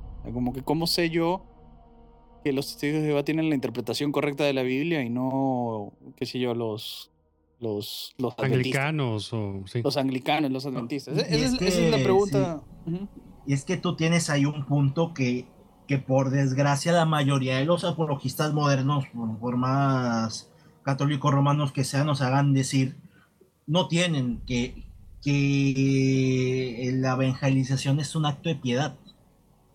Cuando mu- muchos apologistas modernos lo toman como una cacería, mm, ya no decirlo de forma irónica como yo, sino ya, ya como, como una lucha de coliseo, de, ay, voy a debatir con fulano de tal, protestante, y, y casi, casi como para poner reflectores. Sí, sí, para humillarlo, Sí, básicamente. cuando no se trata de eso, cuando se trata de, de- de un acto de piedad y por lo tanto de, de amor. Sí, ¿no? porque, o sea, el objetivo de la evangelización es salvar este, el, el alma eterna de, esa persona. O sea, no es para tu propio. O sea, de que recibas este, un toque de dopamina, así de que, ah, sí, acabo de, vencer en un argumento a, a este protestante. Sí, y, y de hecho de eso me gustaría hablar no ahorita porque se nos estaríamos saliendo más del tema, sino a lo mejor en otro momento, de No, sí, a, claro, a lo- claro. a lo que ha ido a parar eh, la apologética por internet eh, hoy día que pues, pues, da mucha pena, o sea, no digo nombres para nada, no quiero problemas, pero es que la apologética católica en internet, por, por, por seguirle mucho el juego a la apologética protestante por internet, pues, en muchos sentidos ha tomado ciertas características que, que, le, que le han hecho mucho mal, que le han desviado mucho de su sentido. Pero será otro para otro día, ¿no? A- ahora, eh, volviendo con el tema de, de, de- de los Borbones, bueno, o sea, es que si no son los Borbones, son los Austrias, porque se- cuando se habla de si qué, qué papel tenían los Borbones, muchas veces se, se- es porque a colación viene de no, es que hubieran ganado los Austrias, ¿no? Pero, eh, ¿qué hubiera pasado con, con Austria? Yo, yo me atrevería a decir, claro que mm, reitero, yo no soy ningún doctor en historia ni, ni nada por el estilo, me puedo equivocar, pero, pero yo me atrevería a decir que no, si, si no hubiera sido por las reformas borbónicas, España no sobrevive 100 años más. Eh, porque ya la España de, de los Austrias, de los últimos años de los Austrias, ya, ya, ya era una España que estaba muy debilitada también, que e- e- era una España que, que, claro, había perdido Portugal, que había perdido la guerra de los 30 años, que había sido ya víctima de las consecuencias de, de la paz de Westfalia y que aparte tenía esos detalles de, de económicos eh, terribles que, que, que hacían, hubieran hecho inviable la supervivencia de, de España por, por más tiempo, ¿no? Eh, por lo menos los Borbones trajeron una mejora de la hacienda eh, y, y también hubo victorias, bueno, o sea, Blas de Leso fue en la, fue en la época borbónica, si no me equivoco, ¿no? Eh, también hubo victorias de, en supervivencia de, de, de esa cristiandad menor ya, ya herida y todo, pero pues ahí existiendo de alguna manera. Y yo digo que si no hubiera sido por los Borbones, o sea, eso que pasó hace dos siglos hubiera pasado hace tres siglos. Eh, es una posibilidad, ¿no?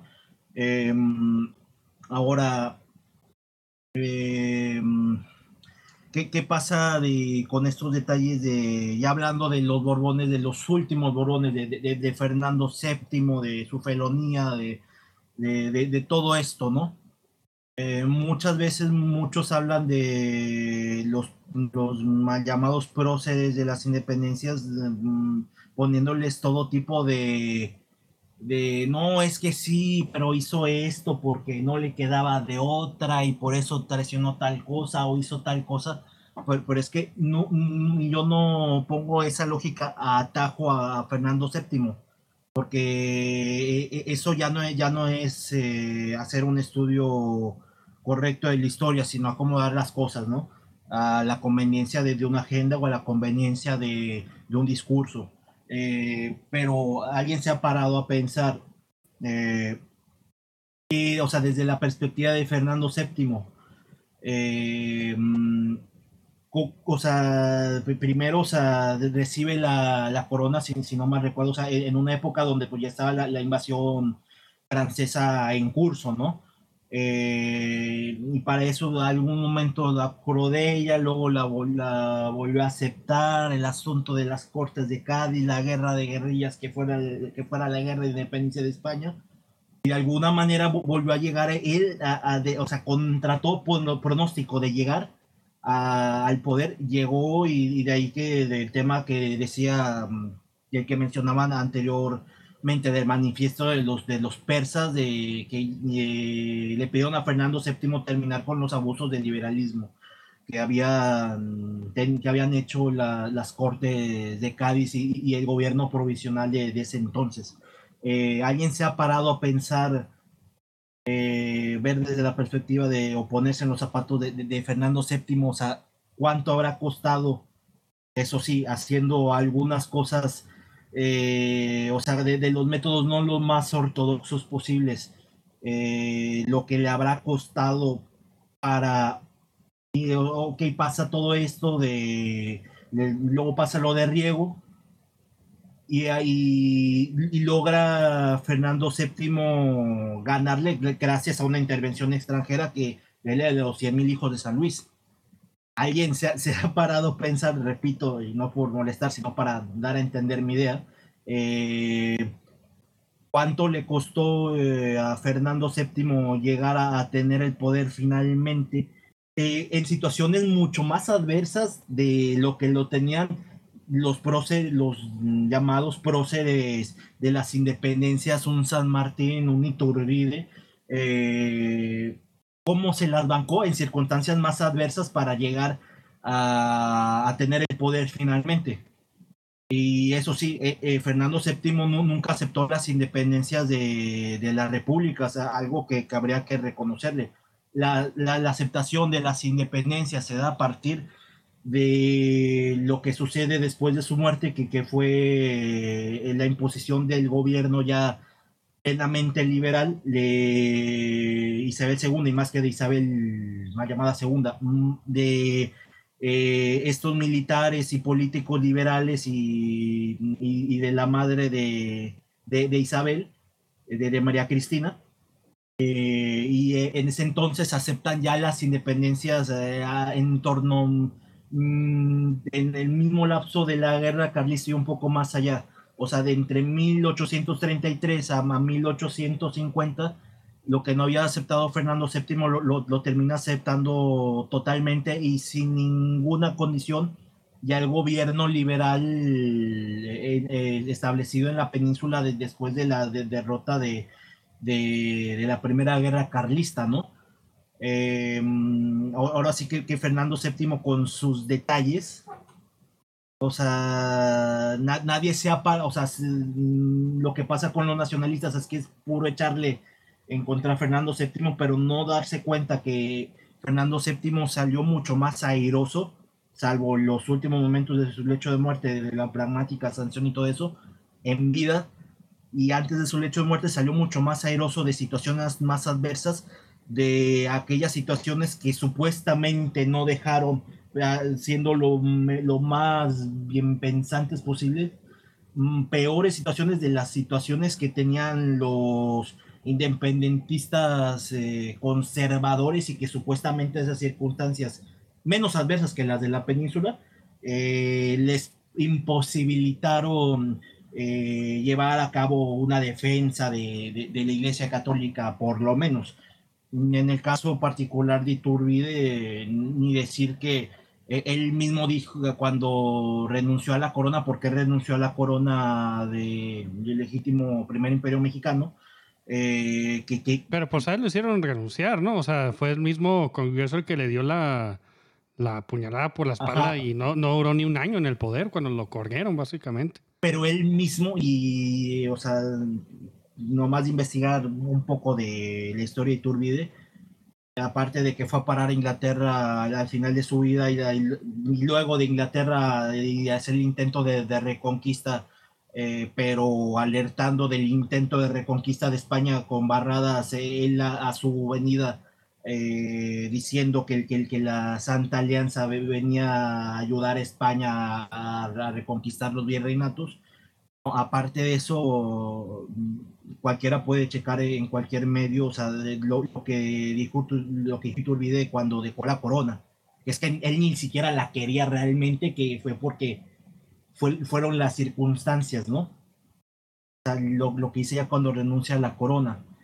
Eh, cuando lo- los hechos son los hechos, Fernando VII pu- pudo destruir a, a su enemigo político que, que era este, este Riego con ayuda extranjera, sí, pero le ganó la partida mientras que Iturbide no, no ganó no, no ganó la partida, no, no, no ganó la, la pelea contra sus adversarios y al final de cuentas él terminó por ser herramienta de la imposición de- del gobierno ya liberal radical del rito masónico yorquino amiguete de Poinsett y de Estados Unidos, ¿no? Es a lo que me refiero, o sea, las personas que defienden a, a Iturbide o a San, Martín o que lo quieren hacer católico hasta en la sopa, se han parado a pensar con la misma lógica sobre, o se han puesto en los zapatos de, Fernando VII, que no digo que no tenga detalles, los tiene, pero en, en muchas otras circunstancias adversas salió mucho más airoso que, que Iturbide, por ejemplo. Sí, básicamente, o sea, o sea, también Iturbide, o sea, supuestamente su justificación es de que, pues la, o sea, porque los independentistas, bueno, los insurreccionistas en aquel momento, este, aquí en México, eh, o sea, estaban perdiendo la guerra hasta que Iturbide se volteó, este, porque pues él estaba parte del lado realista y su justificación era de que, pues ahorita como este, o, sea, el, la corona española, o sea, no, no estaba en manos de españoles, estaba en manos de, de, de, los franceses, este, pues era hasta que volviera el, el, rey español, este, pero, o sea, eso nunca se materializó. o sea, al final, este, o sea, ¿para qué hizo todo eso Iturbide al final? O sea, eh, eh, y, también Hi- Hidalgo, este, en su momento, su justificación fue similar, entre comillas. O sea, en, México sí fue un poco diferente en ese sentido de que pues, la justificación fue de que pues el, eh, eh, estaba, o, sea, mantener el, ¿cómo se llama? La, unidad en aquel momento con el imperio español era pues ayudar a los franceses. Sí, o sea, y, es a lo que voy, o sea, al final de cuentas, así como todos los caminos llevan a Roma, bueno, en el caso de las independencias, todos los caminos llevan a, a banderas de destrucción, llevan a, llevan a la miseria. En todos los casos, independientemente de- del camino, mostrando que a- al final de cuentas realmente eran varios planes para un solo objetivo, que, que- que era la, la destrucción de, de la cristiandad en este hemisferio. Pues sí, o sea, lamentables todos esos, esos hechos, o sea, pues sí, llegamos aquí ya a, las independencias y pues ahí son, ¿qué? 100 años de, de- de- de completo caos y desorden aquí en México, o sea, guerra civil tras guerra civil, este, revolución, intervenciones e invasiones este, extranjeras, pérdida de más de la mitad del, del territorio, o sea, este, o sea, si la nos guerra de los a- religioneros, la guerra cristera, el último Sí, o- levantamiento en los 60 que, que hubo un militar en nombre de, de- de la religión católica que pocos nadie conocen, no me acuerdo el nombre, pero por ahí les pasaré el dato en otro momento. Eh, son algunos de los ejemplos de persecución al catolicismo que ha sido en nuestro país en todo ese caos, ¿no? Sí, y de hecho, o sea, con, con el PRI, o sea, creo que no fue hasta, hasta Salinas, o sea, de que, o sea, pues cu- cuando ya entraron los revolucionarios, este, el, el- el PRI este, al poder, después de la guerra de los cristeros, o sea, no se reconoció a la, Iglesia Católica sino hasta, hasta con Carlos Salinas de Gortari como en los años 90. O sea, fueron casi 70 años o 60 años en los que la Iglesia Católica, pues para las autoridades seculares, pues no existía, o sea, era algo ilegítimo. Y es curioso eso porque ni siquiera la deriva a la derecha que tuvo el PRI con este el sucesor de este Cárdenas, eh, no me acuerdo cómo se llamaba, y la Camacho creo. Y de ahí Miguel Alemán, Valdés, y de ahí este eh, Ruiz Cortines, y de ahí este, mm, ¿cómo se llama? Mm, eh, Adolfo López Mateos, y de ahí este Díaz Ordaz, que es como que una deriva parcial a la derecha del PRI, ni en ese entonces, eso sí, se moderó la persecución, pero siguió sin aceptarse jurídicamente la Iglesia Católica. No, sí, no, o sea, no existía. Este, y pues en aquel momento, o sea, lo hicieron este porque, o sea, era para mantener, o sea, lo que más le importaba al PRI era mantener la, la eh, mantenerse en el poder ellos y mantener la unidad política del, del país, este, porque pues ellos venían de haber hecho un desastre este, con la revolución y este, pues le tenían que poner un paro pues, a todas estas corrientes aún más este, extremas, este, marxistas y aún más revolucionarios. O sea, estaban viendo lo que estaba pasando en Cuba y lo que estaba pasando en Sudamérica y, en otros lados y dijeron, no, acá no, básicamente. Sí, no, y, y es muy interesante todo eso, porque si te das cuenta, ya hablando del PRI y hablando de las independencias, tú puedes hacer to- todo un, una trazabilidad hasta el régimen actual, el régimen de, de, este, de este desagradable sujeto que de nadie es sagrado. Mm, y- pero es que tampoco El mío caca y- se refiere a ese señor. Sí, sí, sí, este sujeto. Y, y no, no, por, no por parecer acá derechista, yo, yo no soy derechista, yo no me, o sea, porque para el tradicionalista no, no, no existe esto de derecha e izquierda. Son las, las alas de la revolución en todo caso, ¿no? Sí, sí, esa Eh, dicotomía que nos impusieron los, los ilustrados, o sea, falsa completamente. Exactamente, pero, pero a lo que voy es que Aquí, aquí, aquí somos centristas chat en Mundo Republiqueta. no, pe- pe- pe- pe- pero, pero, pero a lo que voy, Ascendidos, centristas ascendidos. bueno. Lo- lo- Luego te, luego te mandamos una, una imagen para que entiendas lo que es un centrista ascendido. Ah, bueno, un, un centrista reptiliado o algo así, me imagino. Pero, A ver, a ver, Sí. voy, voy a explicarlo, voy voy a explicar aquí el aire. El centrista normal es esta persona que trata de estar equidistante de todas las posiciones, ¿no? De que eh, a todos creo, creo que hemos visto el, el, el meme este del mapa del compás político en que tiene, ¿sabes? Como que se divide en, en libertario, autoritario y derecha e izquierda, ¿no? Entonces el centrista es esta persona, un centrista normie, eh, el o- o plano. azul pastillado. Eh, eh, no, un, un centrista enorme azul pastillado es esta persona que no tiene ninguna posición extrema, que todo es, es así como en moderación, como, ay, este, los, los extremos se tocan. eh, el, qué sé yo, como que todo siempre está aquí distante de todo. Y un, y un En el más puro es- sentido anglosajón, un cook. Exacto. Un cook, exactamente. un- exactamente. Y, pero nosotros los centristas ascendidos tenemos, este, posi- este, tenemos posiciones extremas, no tenemos ninguna posición moderada, son todas posiciones extremas, pero en todo el compás político. Es que es, o sea, es que es eso, o sea, la- la- los extremismos de los que nadie habla son, son los, los verdaderos extremismos, los extremismos económicos. Cuando la economía es algo más complejo, no, no puede ser full libre mercado, no, no, no puede ser eh, full agenda social, tiene que haber algún, algún Sí. balance. Eh, que también el carlismo toma parte en esto, que, que obviamente no, si el liberalismo, su parte económica, eh, y también tiene una mutación por ahí, eh, el liberalismo político en el socialismo, que termina por desarrollar una, una, el socialismo utópico termina por evolucionar al, al socialismo marxista, ya con agenda económica, obviamente para el tradicionalista político, para el carlista, no, no puede aceptar ninguna de, de, de, estas, de estos dos ejes o de, de estas, dos, de estas dos alas en, en, esa, en ese extremismo económico, ¿no?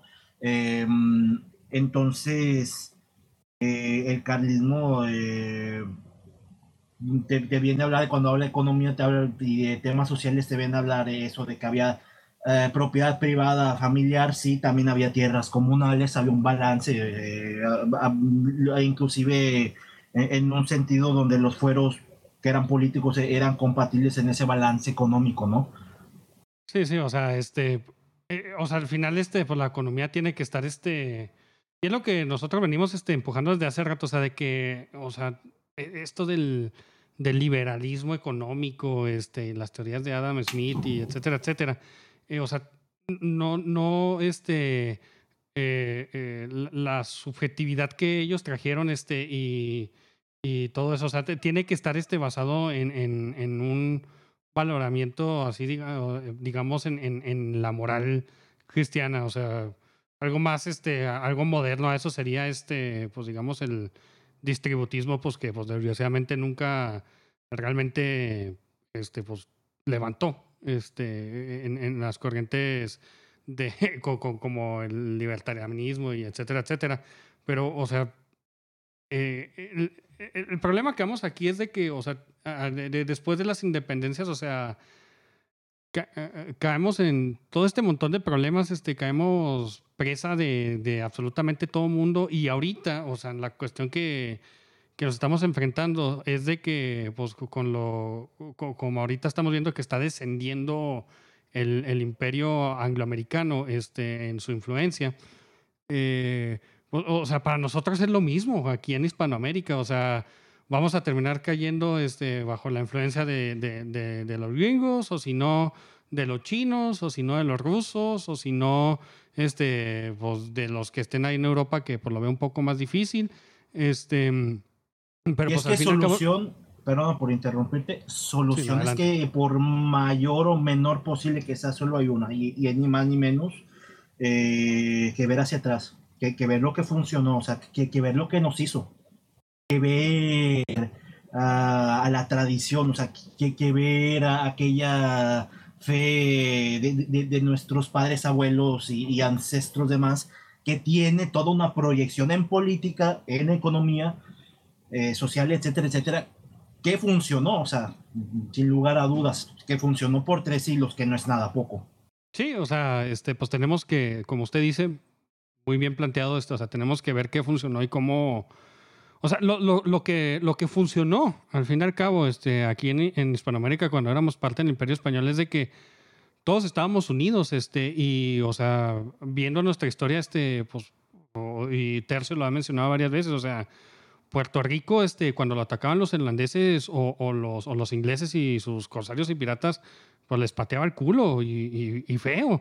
Este, Argentina, este, las múltiples este, veces que lo intentaron invadir, este, los ingleses humillados. O sea, este, nadie nos, nos, nos imponía su voluntad. Este, nadie de estas fuerzas depe- de- depredadoras que nomás venían a, a explotarnos y, y a extraer, este, que fue lo que terminaron haciendo.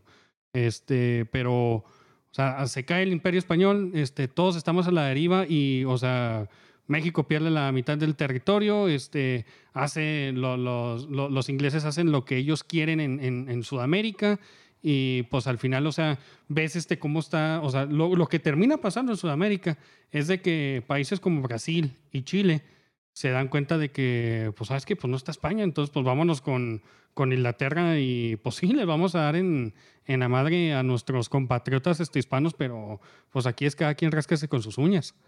Y eso fue lo que pasó. Y fíjate, y aún con eso, hay algún conservador mutado, por dar un, decir de alguna manera, o sea, hay algunos conservadores mutados que, que, que osan defender lo que ellos llaman civilización occidental, pero al más puro estilo del libro este de eh, cómo la iglesia fundó la civilización occidental, pero que fue escrito por un libertario, por, por, Thomas, por Thomas Woods. O sea, al más puro estilo de que nosotros somos parte de Occidente, pero lo que no dan cuenta es que ese Occidente moderno es el mundo anglosajón, o sea, e- es el mundo revolucionario, es el mundo protestante, es el mundo al cual Hispanoamérica y todo aquel lugar que, que, que fue católico, que fue español, se ha habido subordinado por medio de la fuerza y en, Sí. nuestro, en, nuestro, en nuestro perjuicio. No, no, adelante, termina, termina. Sí, o sea, y hay, hay, hay quien no, hay quien no, o sea, de- defender ese, esa civilización occidental, cuando básicamente pues está equivocando de, civilización, si lo que buscaba era de- defender la civilización católica, e- esa ya, ya fue engullida, ya, ya fue sometida por la fuerza ya, hace un tiempo precisamente por quienes habla y dice defender y quienes dicen que la defienden, o sea, para variar, que, que, son, que son sus, que han sido ni más ni menos que sus verdugos, ¿no? Entonces, em, y, y esto también lo, lo maneja el carlismo. Eh, ¿Y en, qué sentido lo, maneja el carlismo? Que, ya lo ha comentado su amigo este Taipire, eh, como se pone aquí, eh, sobre en el libro que es el carlismo, que te ya que se lo recomiendo si quieren conocer más, más del carlismo, eh, que te engloba, te resume todo lo que es el carlismo y, y lo que no es el carlismo y contra lo que va contra lo que va el carlismo es eh, que Europa Europa es sinónimo de, de Occidente, del Occidente moderno, es eh, amigo de Estados Unidos y Estados Unidos tomó ese relevo, eh, pero o sea, eh, Europa nace en cinco momentos históricos en, en, en los que en función muere la cristiandad, la cristiandad católica, obviamente, la, la que es, ¿no? Eh, que, que, viene a ser, eh, no me acuerdo de memoria cuáles son, pero viene a ser eh, el golpe del luteranismo, el, golpe del maquiavelismo, el jovesianismo, algún otro que no recuerdo, a- hasta llegar a, a la paz de Westfalia, ¿no? O sea, que, que, que viene a ser ya el, el, el- como se hace patente ya, ya la destrucción de ese cuerpo místico de la cristiandad, ¿no?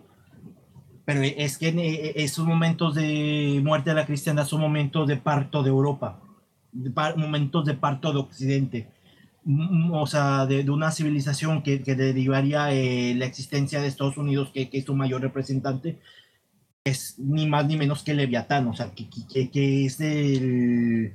eh, no digo que no haya gente buena en Estados Unidos, pero Estados Unidos, el gobierno, el Estado, el, el, el enorme aparato que es como tales, es el Leviatán, o sea, eh, eh, es una prefiguración del anticristo. El, el gran Satanás. pues como bien dijo Porfirio Díaz, este, pobre de México, este, tan, tan lejos de Dios y tan cerca de Estados Unidos. y, Que por ahí no, no se está tan seguro que lo dijo si Porfirio Díaz o alguien de su gobierno, pero por ahí viene, o sea, por ahí van los tiros, ¿no? No, sí, ciertamente. Este, no, no sé si querías este, hacer un comentario ahorita, Tercio, al, respecto. Eh, sí, no iba a decir que cuando la gente habla de Occidente, ahora básicamente están hablando de, del imperio inglés y sus, sus resultados, por decirlo así, o sea, sus, sus allegados. O sea, eh, de- las cosas que la historia que afectó a Inglaterra, que tocó Inglaterra, este, y obviamente Estados Unidos y todo eso, ¿no? O sea, que, que- y bueno, también, también está el lado germa, germanófilo, que también se refieren, hay gente que piensa que como que Europa es Alemania. Tienes, tienes esos dos este, casos. Los liberales, cuando te hablan de Occidente, te hablan básicamente del liberalismo inglés, y los nazis y demás, cuando te hablan de Occidente, Europa, te hablan de, de Alemania. Pero la Alemania, este, o sea, como moderna, protestantizada, ¿no? Porque Alemania no, no existía.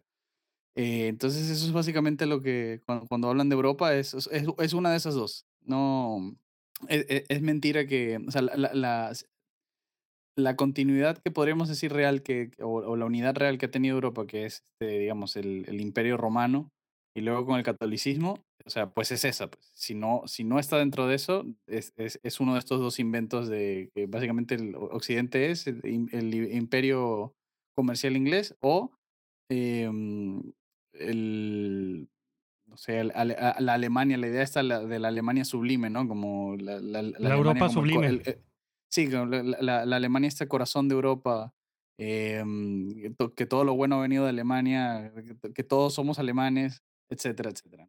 Ok, ahora ya para dar avanzada este punto que me faltaba eh, sobre Brasil y Portugal, pero este tema yo lo iniciaré y también para no llevar mucho con, con una pregunta. Ustedes porque no, o sea, consideren o no si Brasil o Portugal y territorios que fueron parte de la corona de Portugal, eh, mm, consideren o no que es parte de la hispanidad, ustedes por, por qué motivos no considerarían que fuera parte de, de la hispanidad. Esto se lo dejo a Tercio porque él tiene creo que una respuesta más, más profunda al respecto. Se, se me cortó el internet, tienen que volverme a decir, lo escuché todo roba- robótico. ¿Cuál es la pregunta? Ok, eh, en caso de que consideraran ustedes que Brasil y Portugal no es parte de la hispanidad, todo lo derivado de, Portugal, o sea, ¿por qué razón sería eso? O sea, ¿cuál es, si, si fuera así o no fuera así? Si fuera así, ¿qué, qué arguirían al respecto? Porque ya tenemos, o sea, yo diría que puede serlo en un sentido más largo, o sea, más, grande o más a largo plazo, o sea, no tendría problema. eh, Básicamente la respuesta es porque ya tenemos suficientes problemas este, anexionando, o sea, como que uniéndonos nosotros los que ya hablamos español como tal y somos directamente de- descendientes del- imperio español, como para, para entonces a- también andar eh, buscando a ver con los portugueses y los brasileños y demás, cuando en verdad deberíamos tratar. Mira, ya, ya- ya ni siquiera sé si los argentinos son parte de la, de la hispanidad. Entonces, eh, obviamente con respetos a- a- al señor Patricio Lón, pero, pero Argentina en general ahorita tiene una cosa que, o sea, no, no es, no, es, por des- no es por desprecio propio o, o- o nuestro a Argentina, sino que Argentina se cree su propia cosa y andan ahí con su propio plan y lo que sea. Este, y de hecho en Twitter veo cada rato argentinos este, que dicen que hay que superar el hispanismo y una Argentina sola propia para los argentinos. Es como que, bueno, eh, eh, mira, No, lo- y lo ves en yo, todos me- me- me lados, eso de- unir- Ajá, sí, dime, Paul. Ah, no, o sea, lo que iba a decir es de que lo ves en todos lados, este, lo de tirarle a, la, a la hispanidad, o sea, Sí. eh, no existe para ellos y si existe es, es todo lo malo, así completamente, ah, ¿cómo se llama eso cuando le, este, le avientas todo el mal a algo? Eh, esa, No sé, mm, es, eh, el, el, el, um, chivo expiatorio. Maniqueo, maniqueo, así. Al maniqueo. No, bueno, entonces yo diría que simplemente, o sea, no, no es por un tema, qué sé yo, metafísico, ontológico, lo que sea, que me, que me dan asco los, los brasileños o los portugueses, no tengo ningún problema. Es este, es simple. Es, mira, es, la misma, más o menos la misma razón por la que no tratamos temas de Filipinas, nada de eso. Es como que no, ni siquiera conozco un filipino, no tengo, o sea, como que ya, ya es difícil tener esos lazos, esos tratos. Entonces, vamos poco a poco, pues vamos a, qué sé yo, primero se una Perú con Bolivia, a ver si logramos algo, y luego Perú, Bolivia Ecuador, y así vamos, y, y luego a medida que vayamos avanzando, vamos viendo si integramos a, a los brasileños, a los portugueses, a quien sea. Y mm, ahora, hay, hay otro, hay otro, hay un lema que, por el que yo me guío, que es este, ¿no? Que el, con, con nosotros quien quiera, ¿no? y contra nosotros el que pueda, pero entonces, es, esa con nosotros quien quiera, pero yo no voy a, o sea, ya la situación está tan, tan difícil y recursos tan limitados que entonces ponerme a, a, ah, no, sí, vamos a incluir a toda esta gente y eh, lo que sea, y un- una vez esta, el- el el- los españoles una vez este, eh, atracaron un barco en esta isla, entonces los nativos de esta isla son parte de la hispanidad, es como que no, pues, o sea, el, que quiere ser parte de la hispanidad, pues que se una, pero mientras tanto los que nosotros ten- tenemos que trabajar con los recursos limitados que tenemos, con la, la- la gente que tenemos más en común. Ese- esa es mi opinión. Entonces tú aludirías a una, a una razón, una situación más circunstancial que, que de definición o que de principio.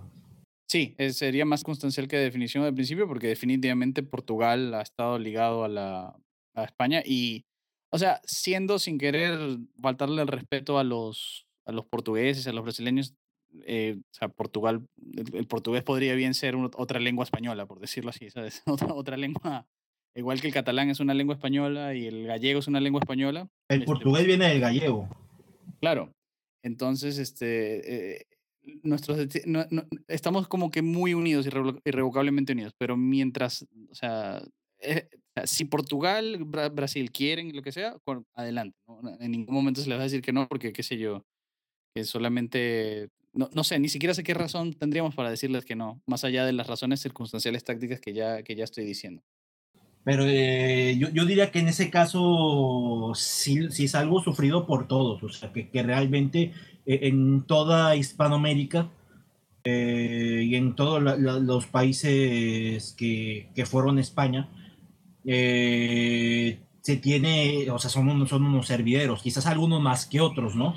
Eh, en tanto, luego algunos eh, arguían eh, que, por ejemplo, ya, ya no de forma circunstancial, como tú lo dices, que eso es, bueno, es respetable, ¿no? Sino como forma, eh, ya por definición o de principio, eh, que decían que, que Portugal y por lo tanto Brasil no es hispana porque, no sé, que Portugal traicionó antes España o o X o Y razón, pero, pero es que pues, desde esa perspectiva, ¿qué parte de la hispanidad no ha pasado por ahí? O sea, ¿quiénes no son, quién, qué países de la Hispania no son traidores desde esa perspectiva? ¿Quiénes no se aliaron con Estados Unidos o con los ingleses? En, o sea, ¿quiénes no se separaron? O sea, me explico. Y, y es que al final de cuentas eh, es- volvemos a lo mismo de que, pues, eso es lo que pasa. Eh, teníamos una civilización y actualmente tenemos restos muy diluidos de una civilización, pero porque hu- hubo una destrucción sistematizada de esta desde, desde 1640, o sea, empezando con la separación de Portugal y continuando, o sea, empezando con la paz de Westfalia y terminando con eh, la independencia de, o sea, la, independencia de Filipinas y Cuba. Y hasta la fecha ya lo, lo que se viene a, viene a ser una, una guerra de exterminio de lo que quedó, de lo que quedó, de lo que quedó. Eh, ya de- dentro de nuestros propios países, ¿no? Oh, sí, este. O, sea, obviamente aquí el, problema que tenemos es de que hace un internicidio. E- e- Eso más que nada es en, en Sudamérica, porque pues aquí México, pues realmente sus guerras, este, pues han sido contra él mismo y pues contra los gringos, este. y, y, pues para de contar, bueno, y los franceses cuando fue la intervención ahí. La- las circunstancias nos lo ha dejado más fácil el, el tomar un poco de conciencia para quien quiera, eso sí, ¿no? Sí, o sea, tenemos, es muy claro para nosotros, o sea, es, es de, es una bendición y una maldición, este, porque también se vuelve así como que un, un este, eh, o, o sea, el, el continuo, digamos, este, a- a- animosidad que tenemos a los gringos, o sea, termina volviéndose, o sea, como que nuevamente algo maniqueo, o sea, si no fuera por, por los gringos, este, o sea, ahorita México sería un paraíso, pues no, o sea, Ahora- no, con lo- no con la gente que, que se hizo del poder después de las independencias. Ahora, eh, ok, ya eso es lo, al punto que quería llegar ya para lo que viene a ser el último punto. O sea, eso es lo que hay sobre la mesa. eh, Tuvimos una civilización, la destruyeron, nos han hecho que nos matáramos entre nosotros por dos siglos. Eh, ¿Qué hay? O sea, ¿qué tenemos? ¿Qué se puede hacer? O sea, respecto a, además de, de esperar la segunda venida de nuestro Señor, que, que- que es lo que muchos o ve- verían lo, lo más fácil, lo más sencillo, claro, o sea, saltándose el hecho de que tenemos ciertas responsabilidades en tanto nuestro Señor no venga, ¿no? E- Entonces, eh, eh, por ejemplo, ¿cuál es la agenda de- del carlismo en Hispanoamérica hoy día?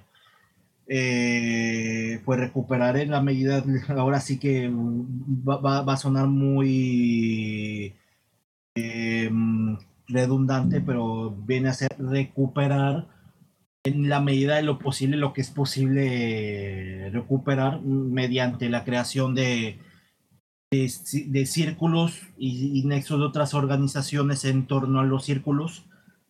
eh, de poco a poco, eh, ladrillo por ladrillo, o sea, lo que viene a ser la, la reconstitución o, sea, o- o- o el renacimiento de la sociedad política católica. Claro, porque es, y es por ahí lo que voy muy en contra yo de, de los reunificacionismos modernos, de los de la mayoría de los hispanistas que pululan por internet, a pesar de que yo también estuve por ahí pululando por internet, eh, también confundido hace unos cinco años, no sé, pero eh, y, es que ese romanticismo, el romanticismo de muchos grupos hispanistas o, y de tajo de, de, todos los reunificacionismos modernos, dígase de reunificación de Puerto Rico con España y tal, o sea, o alguna otra especie de, de reunificacionista. No, no, ahorita una unificación con España, o sea, no. O sea, eh, para cómo está España, ¿no? Este, pero, o sea, el, el objetivo, este, como yo lo veo, este, con por lo menos lo que nosotros estamos tratando de empujar con, con nuestra eh, corriente de hispanismo es, digamos, este, o, sea, como hemos visto que solos no hemos podido, este, contra el Yankee, contra otras eh, este, influencias extranjeras, o sea, tenemos que conformar un bloque, este, pues, para defendernos, porque solos no hemos podido y vamos a seguir sin poder. Ok, pero a lo que voy es que por sí, la de entrada, hablando del movimiento de reunificación, de reunificacionista, ¿no? O sea, en primera, la reunificación es inviable. En segunda, eh, que a lo mejor debería de ser en primera y la primera segunda, de, que no sirve, si fuera viable, no sirve absolutamente de nada, porque España actualmente es, eh, eh, un congal, o sea, directamente, o sea, eh, si todo de esto de lo que estamos hablando, que por definición ha, destruido nuestra civilización, ha destruido a la patria, ha destruido cualquier noción de bien común, si, o sea, si, todo esto lo encarna el Estado español actual, a rajatabla, ¿cuál es la razón entonces para una reunificación de, de- de- en estos actores? O sea, si esa reunificación lo único que causaría sería repetir el mismo esquema de las republiquetas bananeras a- en un espacio más grande, o sea, me explico. No, no, haría, no haría un cambio real porque no, no, no, es un cambio en principio, o sea, si no, eh, vamos, es, es como cambiar de, de cascarón, ¿no? O sea, realmente. Sí, no, o sea, obviamente el cambio, o sea, tiene que ser de, de, raíz en cada uno de, de, de nuestros diferentes países, de, nuestras diferentes naciones, este, porque pues así, España a, a la cabeza, no puede estar a la cabeza de nada ahorita, la España actual. O sea, ni ellos mismos, este, o sea, ahorita la España actual, políticamente hablando, está viendo cómo se, se desintegra, o sea, cómo le hacen para legalmente poder desintegrar todo el país. O sea, e- eso es a lo que está dedicado ahorita España. Y pues aquí en, en, en Hispanoamérica es pues ver cómo sobrevivimos. O sea, de que no nos termine matando el narco o, o, o- o ver este, a quién le, le- a, a quién le vendemos el- al mejor postor este, nuestros recursos naturales. O sea, de eso se trata ahorita la cuestión. Mientras no resolvamos esos problemas este, y no recuperemos nuestra identidad, este, pues sí, o sea, de nada va a servir este, unirnos. O sea, eh, ahorita existen miles de organizaciones este, internacionales este, eh, eh, por, por- por la- latinoamericanas, por así llamarles. Este, y, o sea, ¿qué, qué han hecho? O sea, nada. Sí, y es que a veces la masonería en su hacer internacional eh, también, no, no, la masonería ha disgregado, la masonería ha dividido, pero no solo divide, también ha hecho, también ha unido en función de, de controlar regiones enteras, o sea, la ONU es un ejemplo y también la mayoría de las organizaciones regionales eh, que hay eh, en Hispanoamérica, que, que, le llaman Latinoamérica esas organizaciones, pero pues es Hispanoamérica, eh, son, son de cuño masónico, son de cuño liberal y son ni más ni menos para controlar eh, como enteros a esas regiones, ¿no? O sea, unir por unir no, no es, o sea, no, no va. Uh, entonces, si, la, si el origen de nuestra fortaleza no está en unión por sí sola, en que está en la, en la, en la fe, eh, en, la, en, la, unidad de, en la fe. Ahora, si eso es, o sea, actualmente, ok, si ya eh, des, destruyeron la, la, integridad política de la cristiandad con la paz de Westfalia, si ya destruyeron los restos de esa cristiandad eh, dividiendo y desgregando España, si, si, si ya eh, de, de, de, ahí pasaron un proceso local de descristianización en el cual se metieron o se impulsaron, eh, se impulsó el protestantismo en algunos lugares como Centroamérica ha tenido mayor éxito, en algunos lugares menos éxito, como en el Bajío aquí en México, eh, que sigue siendo dentro de lo que cabe, al menos hasta cierto nivel católica más que el resto del país, ¿no? Eh, eh, y eso se ve. Yo, yo viví en el Bajío un, año y medio, no es mucho, pero al menos se alcanza a ver. La población está menos secularizada que aquí, ¿no? Eh, pero bueno, volviendo a este, este, esta escalinata de generación, se, de, de destruir esa unión, se empezó ya la descristianización particular eh, local, ¿no? Porque esa descristianización no era posible con, con, España, ¿no? Con, con, esa cristiandad menor todavía patente viva, no era posible esa descristianización. Para eso se hizo pero al final de cuentas porque el objetivo era esa descristianización así fuera de forma local, así fuera a funcionar en mayor o menor medida de, de, dependiendo, de, la región, del país, etc. Y por ahí va en ese mismo camino, o sea, eh, cómo se ha ido de, descristianizando, cómo se ha ido desmoralizando, cómo se ha ido destruyendo el, el tejido social, el tejido sociológico, el, el, tejido, el tejido moral el mismo concepto de la patria, cómo, cómo se ha ido degenerando, ¿no? Pero es que al final de cuentas, porque el objetivo último fue eh, destruir a, a, aquella obra que hicieron los reyes, los conquistadores y los misioneros en esta tierra, que, que fue eh, la evangelización de, este, de la mayor parte de este hemisferio, ¿no? De Filipinas y de algún que otro lugar, ¿no? Eh, entonces, por, por lógica,